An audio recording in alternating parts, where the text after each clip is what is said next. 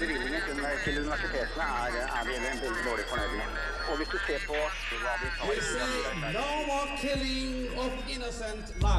Ja, det, den saken eh, tapte vi i Soria Moria-forhandlingene. Det Men hvorfor tapte dere når alle er enige om det? Eh, Nei, det var ikke så stor enighet som eh, det Jeg tror vi at møter den tradisjonelle brytningen mellom individets frihet og samfunnets ønske om beskyttelse. Lokalt, nasjonalt, internasjonalt. Nyhetsdialog går i dybden.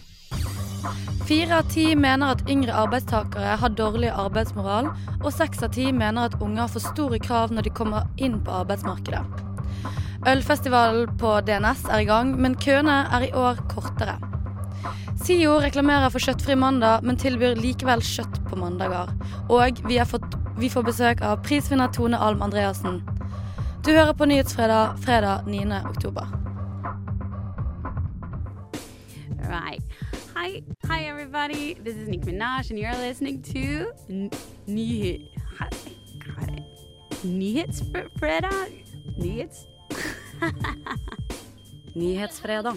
Fredager klokken 11 på Radio Nova. Du hørte Razika med låten 'Oslo' på Radio Nova.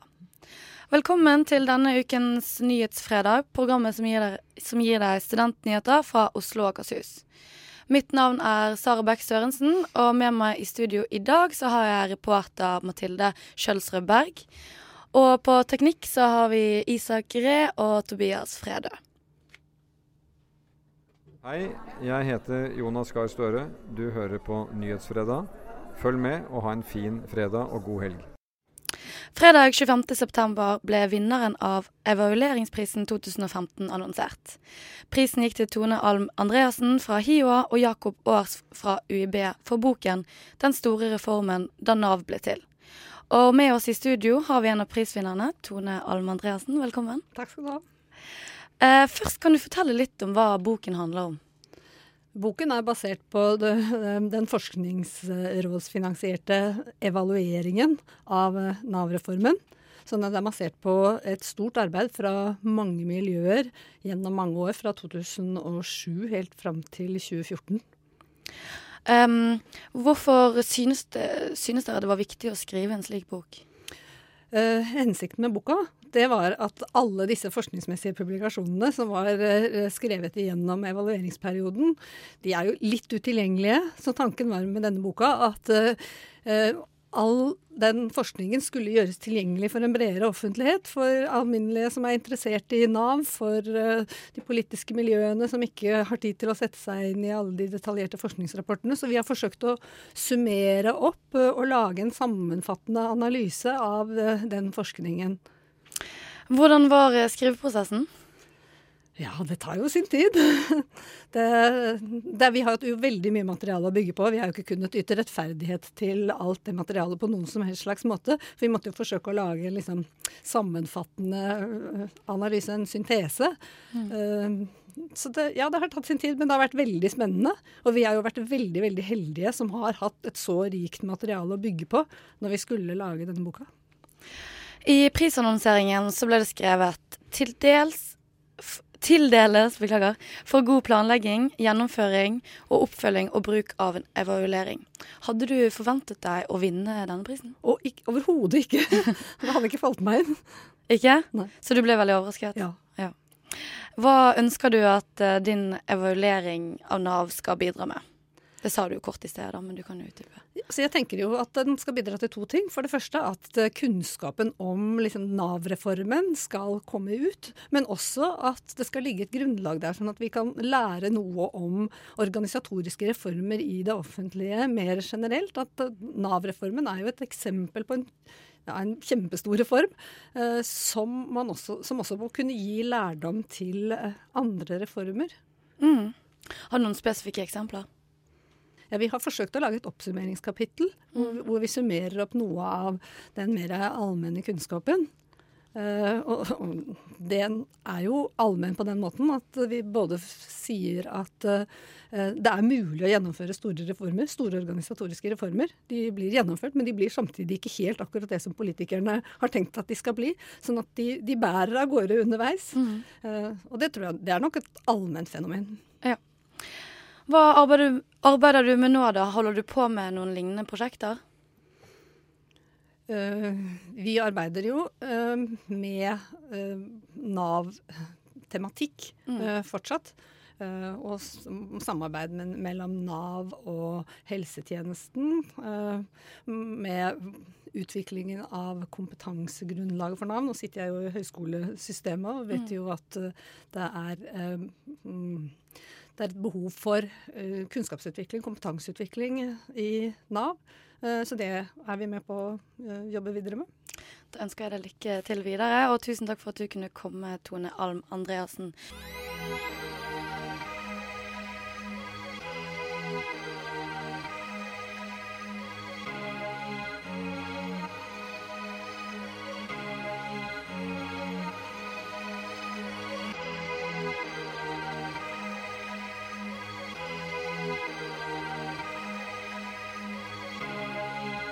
Siden 1982 har Radionova gitt deg favorittmusikken din, før du visste at du likte den.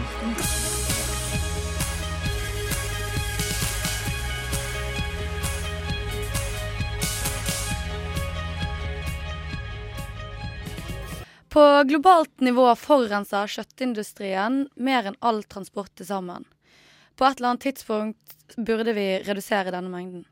En rekke universiteter i Norge har innført hva de kaller for kjøttfri mandag, mandager i sine kantiner, men de tilbyr fremdeles kjøtt på mandager. Med oss i studio har vi Simen Eriksen, nestleder i Velferdstinget. Velkommen. Tusen takk. Og vi har eh, Silje Kristine Andersen fra Grønn liste med oss på telefon fra Kina. Hører du meg? Hei. Hei, hei. Det gjør jeg. Andersen, eh, hva er din oppfatning av SIOs kjøttfrie mandag? Eh, vel, først og fremst så har jo ikke SIO en kjøttfri mandag. Eh, fordi de tilbyr kjøtt også som alternativer i kantinene på mandager. Mm. Eh, men de har eh, vegetariske tilbud og, og promoterer alt. Hallo. Mandager, i hvert fall. Mm. OK. Eh, Eriksen, burde det være så vanskelig for SIO å gjennomføre dette kjøttfrie mandag? Um, velferdstinget har i år vedtatt at vi uh, skal prioritere å jobbe med at man har et bedre vegetartilbud uh, alle dager i uka. Uh, sånn jeg ser det, da, så har SIO Mat og Drikke et todelt ansvar. For det første så har de et ansvar for miljøet, som jeg syns de tar en stor del av ansvaret for ved bl.a. å innføre konsept som kutt, som vi nå har på Fredrikke, hvor man går for å hindre matsvinn og drive med gjenbruk.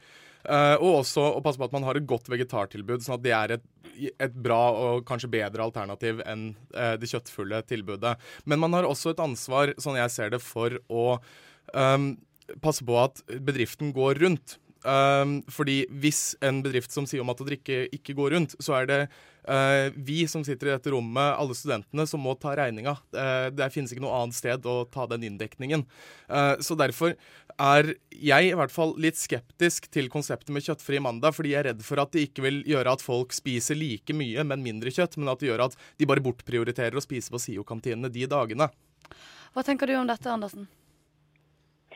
Um det er jo et veldig interessant perspektiv. At uh, du tror at folk ikke kommer til å spise i kantina hvis det er vegetarmat. Uh, og det vet jeg faktisk ikke om er sant eller ikke. Og det tror jeg nok bare man kan se hvis man forsøker å ha en helt kjøttfri dag. for å se. Uh, men når det er sagt, så vil jeg også si at vegetartilbudet til SIO faktisk er veldig bra. I motsetning til f.eks. tilbudet i Tromsø, som bare har vegetarmat én gang i uka. Um, men det vi ønsker, og som studentene ønsker, er at vegetarmat skal bli betydelig billigere. Sånn at det vil være et mye større insentiv for å velge vegetarmat, noe som er bra for både miljøet og for studentene. Ja, for prisen for en vegetarmiddag, eh, den er ikke lavere enn en kjøttmiddag? Det er den ikke. Eh, den koster nøyaktig det samme. Eh, og da mener jo at de gjør opp for det ved å putte mer kvalitet i retten. Men de skriver jo også eh, at, at det er betydelig billigere å kjøpe grønnsaker. At prisen på grønnsaker er mye billigere enn kjøtt. Så da skjønner jeg ikke helt hvorfor ikke vegetaralternativene er betraktelig billigere enn det er i dag. Men, eh, men, Silje, nå er jeg litt forvirra. Altså, hva er på en måte hovedforslaget eller kravet fra Grønn liste her? Er det at man skal innføre én kjøttfri dag i uka, eller er det at man skal redusere prisen på vegetarmat, eller er det begge? På en måte, hva er, hva er det man er Altså, Leserinnlegget ditt i Universitas handla jo om kjøttfri mandag, ikke om prisen på vegetarmat. Ja, men det henger helt klart sammen. Eh, hovedbudskapet er jo å få studentene til å velge å spise mindre kjøtt, fordi det er bedre for dem og for miljøet og for dyrene. Og da er det et todelt perspektiv. Det ene er å innføre kjøttfri mandag på mandager, hvor de faktisk blir nødt til å spise vegetarmat, og at de oppfordrer til, at de skal spise vegetarmat gjennom å faktisk satse på å ha en helt kjøttfri dag. Og det andre er at eh, vegetartilbudet generelt skal bli billigere. Det er de to tingene som Grønn liste ønsker. Jeg, eh, vi, vi, er jo ikke på en måte fryktelig uenige på et veldig grunnleggende nivå her. Eh, det er jo helt klart, eh, Silje. Og du har helt rett i at vi vet ikke helt sikkert hvordan studentene, som på en måte den massen som etterspør tilbudet til Si og mat og drikke, vil reagere på en eventuell kjøttfri mandag. Vi må nesten prøve det. Jeg, det eneste jeg ville si, at det er grunnen til at jeg personlig er litt usikker på det. Ellers enn det så synes jeg også at vegetartilbudet til um, SIO er ganske bra i dag, i hvert fall på de største kantinene. Uh, man har nok kanskje en vei å gå på de mindre institusjonene. Men vi mener fortsatt at det kan bli bedre, og at på en måte det vi har mandat til å jobbe med nå, er at vi skal passe på at vegetartilbudet er, er det desidert beste tilbudet du får på enhver uh, SIO-kantine. Sånn at det er på en måte ditt eget valg om du velger et mindre bra kjøtttilbud enn et knallbra vegetartilbud. Eh, hvordan er tilbudet til SIO når det gjelder vegetarmat? Sånn hver, hver dag, eller? Ja, altså man har jo alltid en Altså f.eks. på Fredrikkekantina på Universitetet i Oslo, um, så har man jo alltid en dagens vegetar uh, på lik linje med dagens uh, middag. På for eksempel, Du har jo forskjellige andre konsepter rundt på andre læresteder. Uh, på Musikkhøgskolen f.eks. så har du en sånn Uh, ta hva du vil-buffé, hvor du betaler per hekto uansett hva det er du tar. Uh, der kan du jo selv velge om du ønsker å ta vegetar, eller om du ønsker å ta noe med kjøtt. Så det, det, er litt varierende tilbud rundt omkring, men det er et helt klart mål at man skal ha et likestilt og godt vegetartilbud overalt. Silje, er det nok med bare én kjøttfri dag i uken? Um, nei, men en kjøttfri dag i uken er et veldig positivt tilskudd uh, og vil ha veldig stor effekt, på miljøaspektet. Uh, og Framtiden vår hender har jo regnet seg fram til at hvis man uh, ikke spiser kjøtt én dag i uka, hvis alle ville gjort det i Norge, så ville CO2-utslippet blitt redusert like mye som 200 000 biler. Så det at, at SIO er skeptisk til kjøttfri mandag pga. at de vet ikke helt om studentene vil ha det eller liker det og sånn, det er på en måte én ting. Men det at SIO ikke ser at her kan de faktisk ta et enormt sprang når det kommer til å være miljø- og klimavennlige, så syns jeg det er rart at de ikke, ja, at de ikke har sett det ennå, da. Og I tillegg så har jo eh, Forsvaret. For innført kjøttfri mandag. Eh, fullstendig kjøttfri mandag på mandager. Og her er det ja, altså soldater og, og, folk i trening som spiser vegetarmat en gang i uka. Og så langt, så vidt jeg vet, så er det ingen som har tatt skade av det. Eh, og de spiser maten likevel og syns den er god. Sånn at eh, jeg syns at eh, SIO kanskje er litt feige her når det kommer til kjøttfri mandag. Fordi VT har jo faktisk i sitt arbeidsprogram at, vedtatt at SIO skal jobbe for å ta miljømessige hensyn som går utover det som er pålagt ved norsk lov. Og det vil si å være ambisiøse. Og det vil si å innføre en fullstendig kjøttfri mandag i alle kantinene. Eriksen, du har en kommentar? Ja, For det første så må jeg jo si at jeg snakker på ingen måte på vegne av SIO. Eh, jeg snakker på, velferds, eh, på velferdstingets vegne, og eh, den politikken det er vedtatt at jeg som utøvende organ skal, eller en del av et utøvende organ skal jobbe med. Um, og så er det jo det at f.eks. For Forsvaret er et veldig godt eksempel på noe som er helt annerledes enn den typen servicebedrift som SIO driver. Uh, når du er i Forsvaret, hvis du er i førstegangstjenesten, så har du ikke så fryktelig mange valg om hvor du skal spise lunsj den dagen. Uh, det kan kanskje også være annerledes på andre læresteder rundt i landet. Du har nok en litt lik situasjon hvis du går på f.eks. Høgskolen i Volda, men flertallet av studenter i Oslo studerer i sentrumsområdet og kan, hvis de mener at SIO sitt tilbud ikke er bra nok for dem den dagen, gå et hvilket som helst annet sted. Uh, så jeg synes ikke det er fullstendig ugyldig å være skeptisk til uh, at man faktisk må passe på at denne bedriften går rundt da, og går bra. Uh, og så på en måte tar de miljømessige hensynene utover det, sånn at man passer på at ikke studentenes penger går, penger går til spille på det. Men skal SIOs kantine gå i pluss, eller skal den gå i null? Altså den skal jo strengt tatt altså man, Det er jo ikke noe ledd av SIO som går med noe enormt overskudd. Uh, man driver jo en bedrift hvor man hvert år subsidierer bedriften med semesteravgifta for at man skal passe på å ikke gå i et negativt overskudd. Uh, så man har jo ikke noe mål om Man har jo ikke noe reelt profitthensyn sånn sett. Det er jo strengt tatt et mål om å gå i null. Uh, og å gå i null i den betydningen også at alle eventuelle overskudd skal gå til videreinvestering i tilbudet, Ok, ok. ikke til utbytte. Men tror du virkelig det er sånn at studentene har lyst til å boikotte kantina fordi den serverer vegetarmat én gang i uka? Jeg tror ikke de kommer til å boikotte kantina generelt. Den, eh, altså Nei, jeg tror ikke de kommer til å boikotte kantina generelt, men det kan nok være at de går og kjøper seg en kebab isteden på mandagen. Men eh, for våre lytters skyld, eh, er det altså sånn at SIO reklamerer for kjøttfri mandag, men ikke gjennomfører dette? Det kan jeg godt svare på. Um, det har jo Grønn liste og Silje referert til eh, i leserinnlegget de skrev i Universitas for to uker siden. Og dette her handler om da i hvert fall på Fredrikke-kantina, jeg vet ikke helt om andre steder, eh, en sånn liten pamflett som står der, som er sponsa av NOAH og noe greier, hvor det står 'kjøttfri mandag'. Dette er en sånn gammel relikvie av et slag som vi ikke helt vet når dukka opp, eh, og som vi også har reagert litt på at står der fortsatt, eh, i og med at på en måte, vi hadde, vi hadde ikke noen debatt om vi skulle ha kjøttfri mandag i årets arbeidsprogram, men vi hadde det i fjorårets program, og da ble det nedstemt. Uh, så det er litt merkelig at det står Velferdstinget og SIO sin logo på en liten pamflett uh, om kjøttfri mandag rundt i kantinen, og det er egentlig noe vi uh, har tenkt til å se på hvorfor det egentlig har oppstått. Har du en siste kommentar, Andersen, før vi må runde av? Ja, jeg tror at vegetarmat er i vinden, og at studenter er en gruppe i samfunnet som eh, er veldig åpne for å spise vegetarmat. Eh, SIO har et veldig godt vegetartilbud i dag, eh, men jeg syns de kan være mer ambisiøse.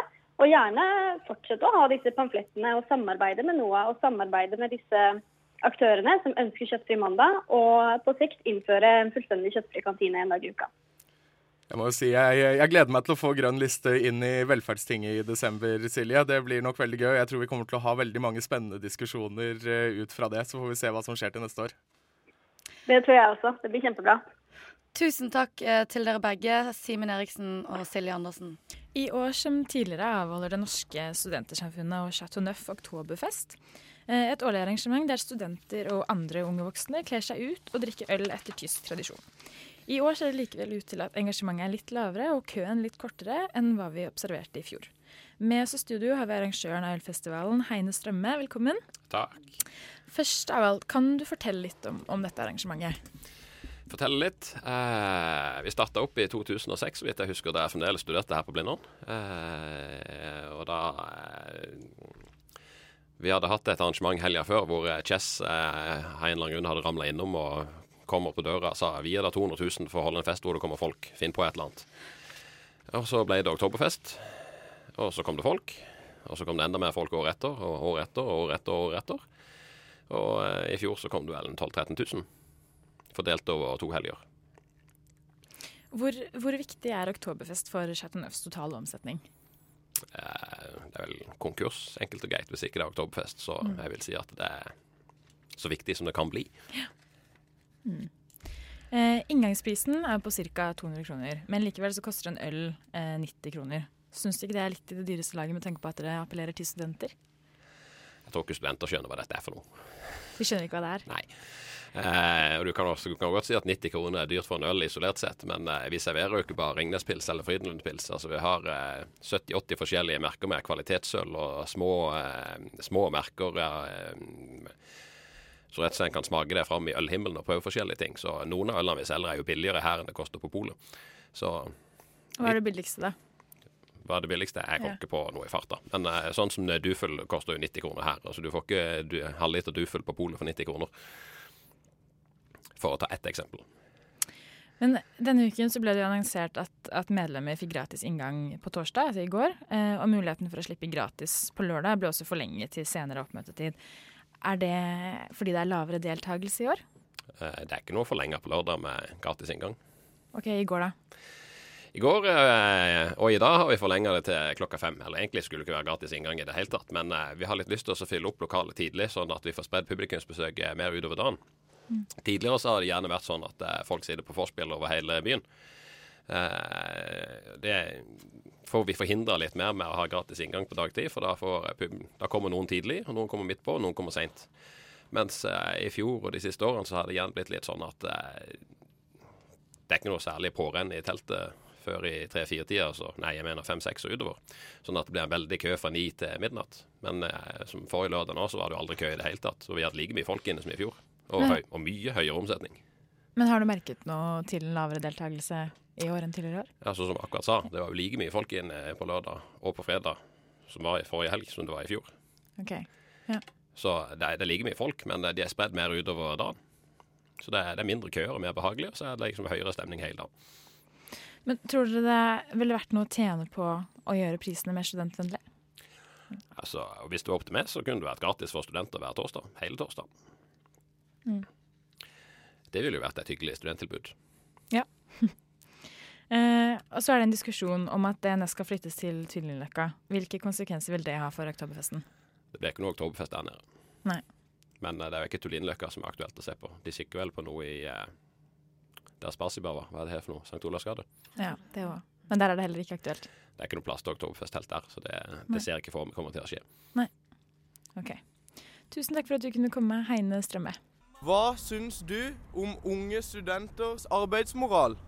Det kan være både òg. Men altså, jeg eh, Jeg tror veldig mange av dem har det. Det tror jeg. Ja. Tror de er litt slappe. Ja. Det kommer helt an på studentene selv. Deres, eh, den enkelte student. De er kanskje blitt eh, De tror kanskje det vil bli litt for lett å komme inn i arbeidslivet. Fordi de er så veldig opptatt av data og kanskje ikke har jobbet med i yrker som en forberedelse på forhånd. Gjelder det unge studenter? Det er vanskelig å si. Det er helt annen tid. Da hadde jeg en tid jeg var ute i arbeidslivet. Innslaget du hørte, er laget av reporter Are Ørnevik.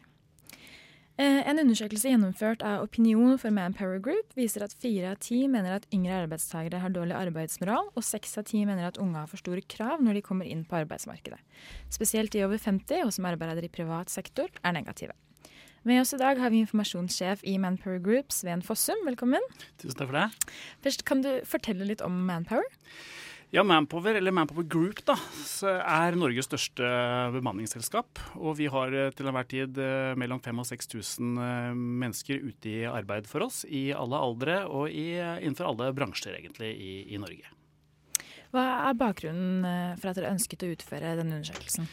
Du, Vi eh, ønsker å ta rollen som eh, arbeidsmarkedseksperten. Det er til oss eh, folk skal komme for å få informasjon om arbeidsmarkedet. Og disse undersøkelsene her, som denne er en, del av, den du introduserte med, kaller vi work-life-undersøkelser. Og Vi stiller da spørsmål til, til et representativt utvalg av norske befolkning om forskjellige spørsmål ved norsk arbeidsliv.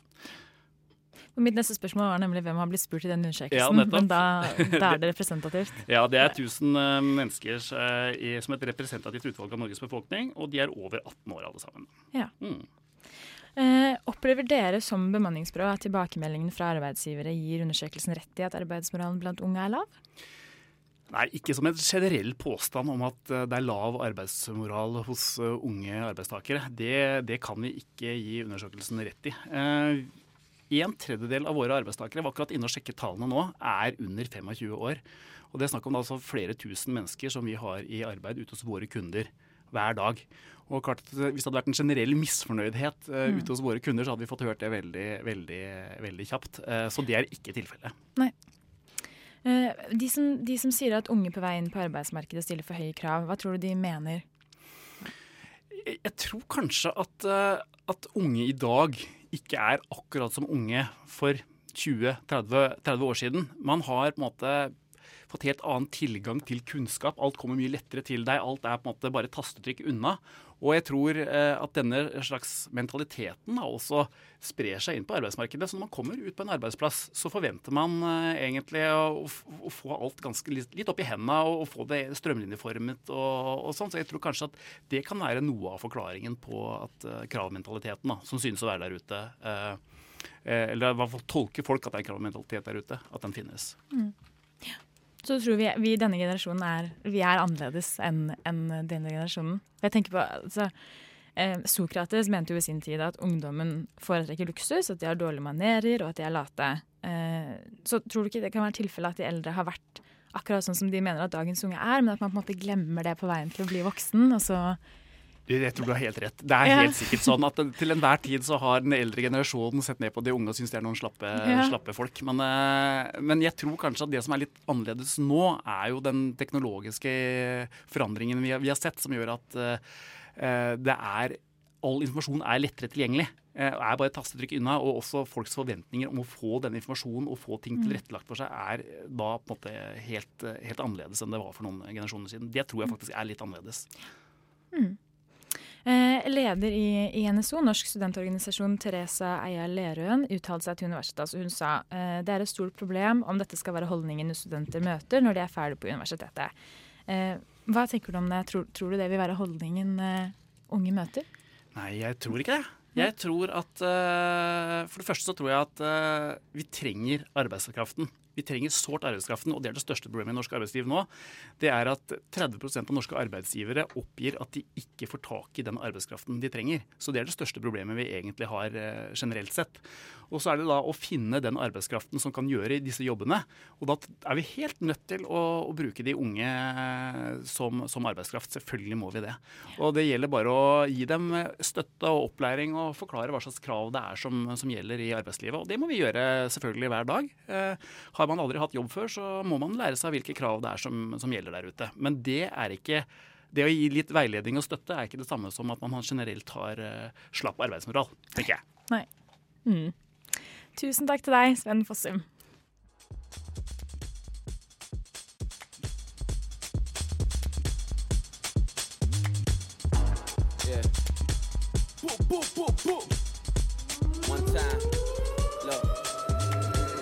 Alarm, hot ass nigga. Big ass head so my dreams get bigger. Me campaign strong so my flows get sicker. Confidence bigger than a drunk ass nigga. Look, I'ma work graveyard shifts. 529, not a 925. So she might end up in a graveyard quick. She dead inside, but she gotta provide. But my father got a brand new kidney. While I'm out here hanging with Whitney. I'm guilty, need whiskey, but she a stuck up chick like Whitley. Look, so many paths, don't know which one. Peter picked the pepper, but I can't pick one. Niggas get grown, but they mind so young, so me can't fuck with you, but me can't go run. Uh.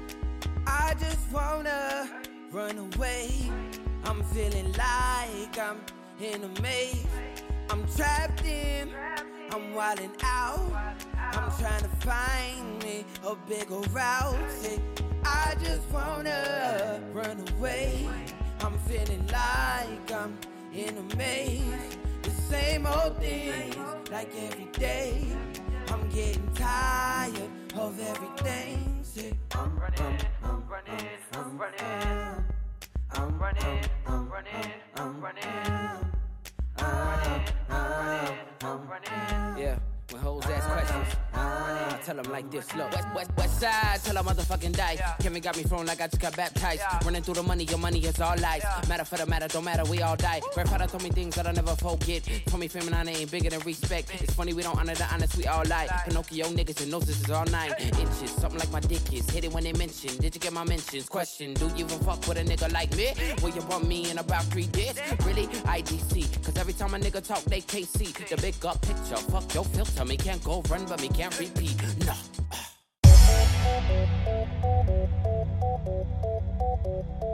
Nyhetsfredag går i dybden.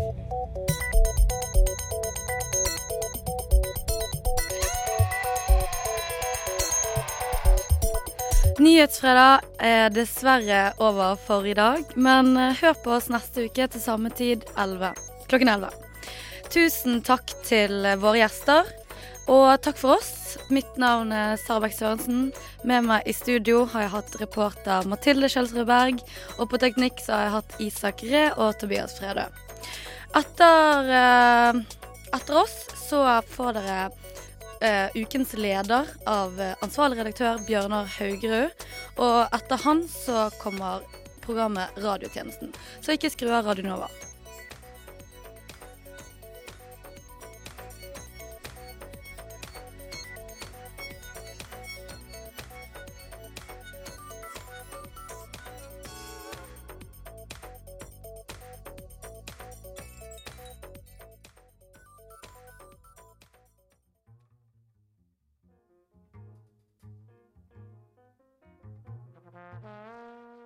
I, I helgen hadde jeg et gjensyn med et medium jeg trodde jeg ikke skulle treffe på igjen. Jeg så en norsk TV-serie. Jeg tror ikke jeg har hatt kvalitetstid i stuen med en norsk TV-serie siden Hotell Cæsar, som jeg sist så i barndommen. Det var den politiske thrilleren 'Okkupert', som er TV 2s store seriesatsing med en budsjettramme på 90 millioner kroner, som okkuperte TV-skjermen min. Og jaggu var den fengende også. Serien tar opp problemstillingen om hvilken energikilde vi skal livnære oss på i fremtiden. Det handler om et Norge som velger å avvikle oljeindustrien, kompensert med thorium, som skal være ren energi. Reaksjonene fra EU og Russland i TV-serien besvares ikke mildt. Norges suverenitet blir satt på spill ved at russiske styresmakter infiltrerer statsapparatet og gjenopptar oljeproduksjonen. Og dette gjøres på oppdrag fra EU. Norge blir for andre gang okkupert av fremmede styresmakter. I den virkelige verden har serien skapt reaksjoner fra vår nabo i øst. Styresmakten, som etter USA er hyppigst på å demonstrere sin militære makt, har gjennom sin ambassadør uttalt at TV-serien får at uttalt at TV-seerne får presentert et skremmende bilde av Russland. Russland-eksperter omtaler serien som destruktiv og forferdelig, og i de russiske mediene får den mye oppmerksomhet, men på et negativt vis. Hva fremtiden bringer, og hva en TV-serie klarer å spå, skal jeg ikke drøfte. Derimot skal jeg kanskje ta Russland på indirekte vis, men ikke hensiktsmessig vis, til forsvar. Det er nemlig en pakt som snart skal sette vår suverenitet på spill. Og den er ikke mellom Russland og EU. Det er snakk om to handelsavtaler som vil ha signifikant betydning om hvordan vi kan skape, forme og utøve våre lover.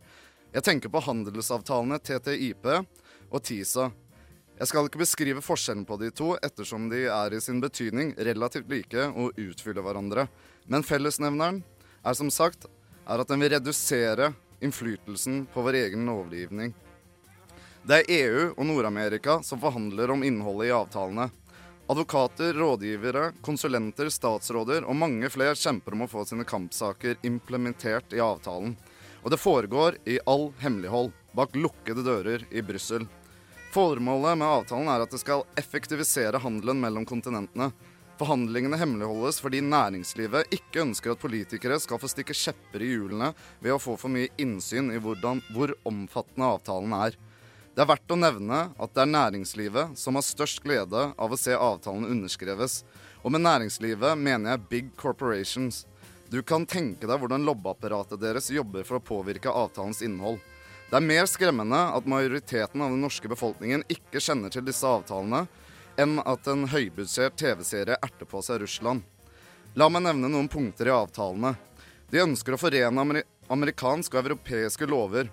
Det vil, si for det f.eks. si at arbeidstakerrettigheter i Europa vil bli harmonisert med amerikanske rettigheter.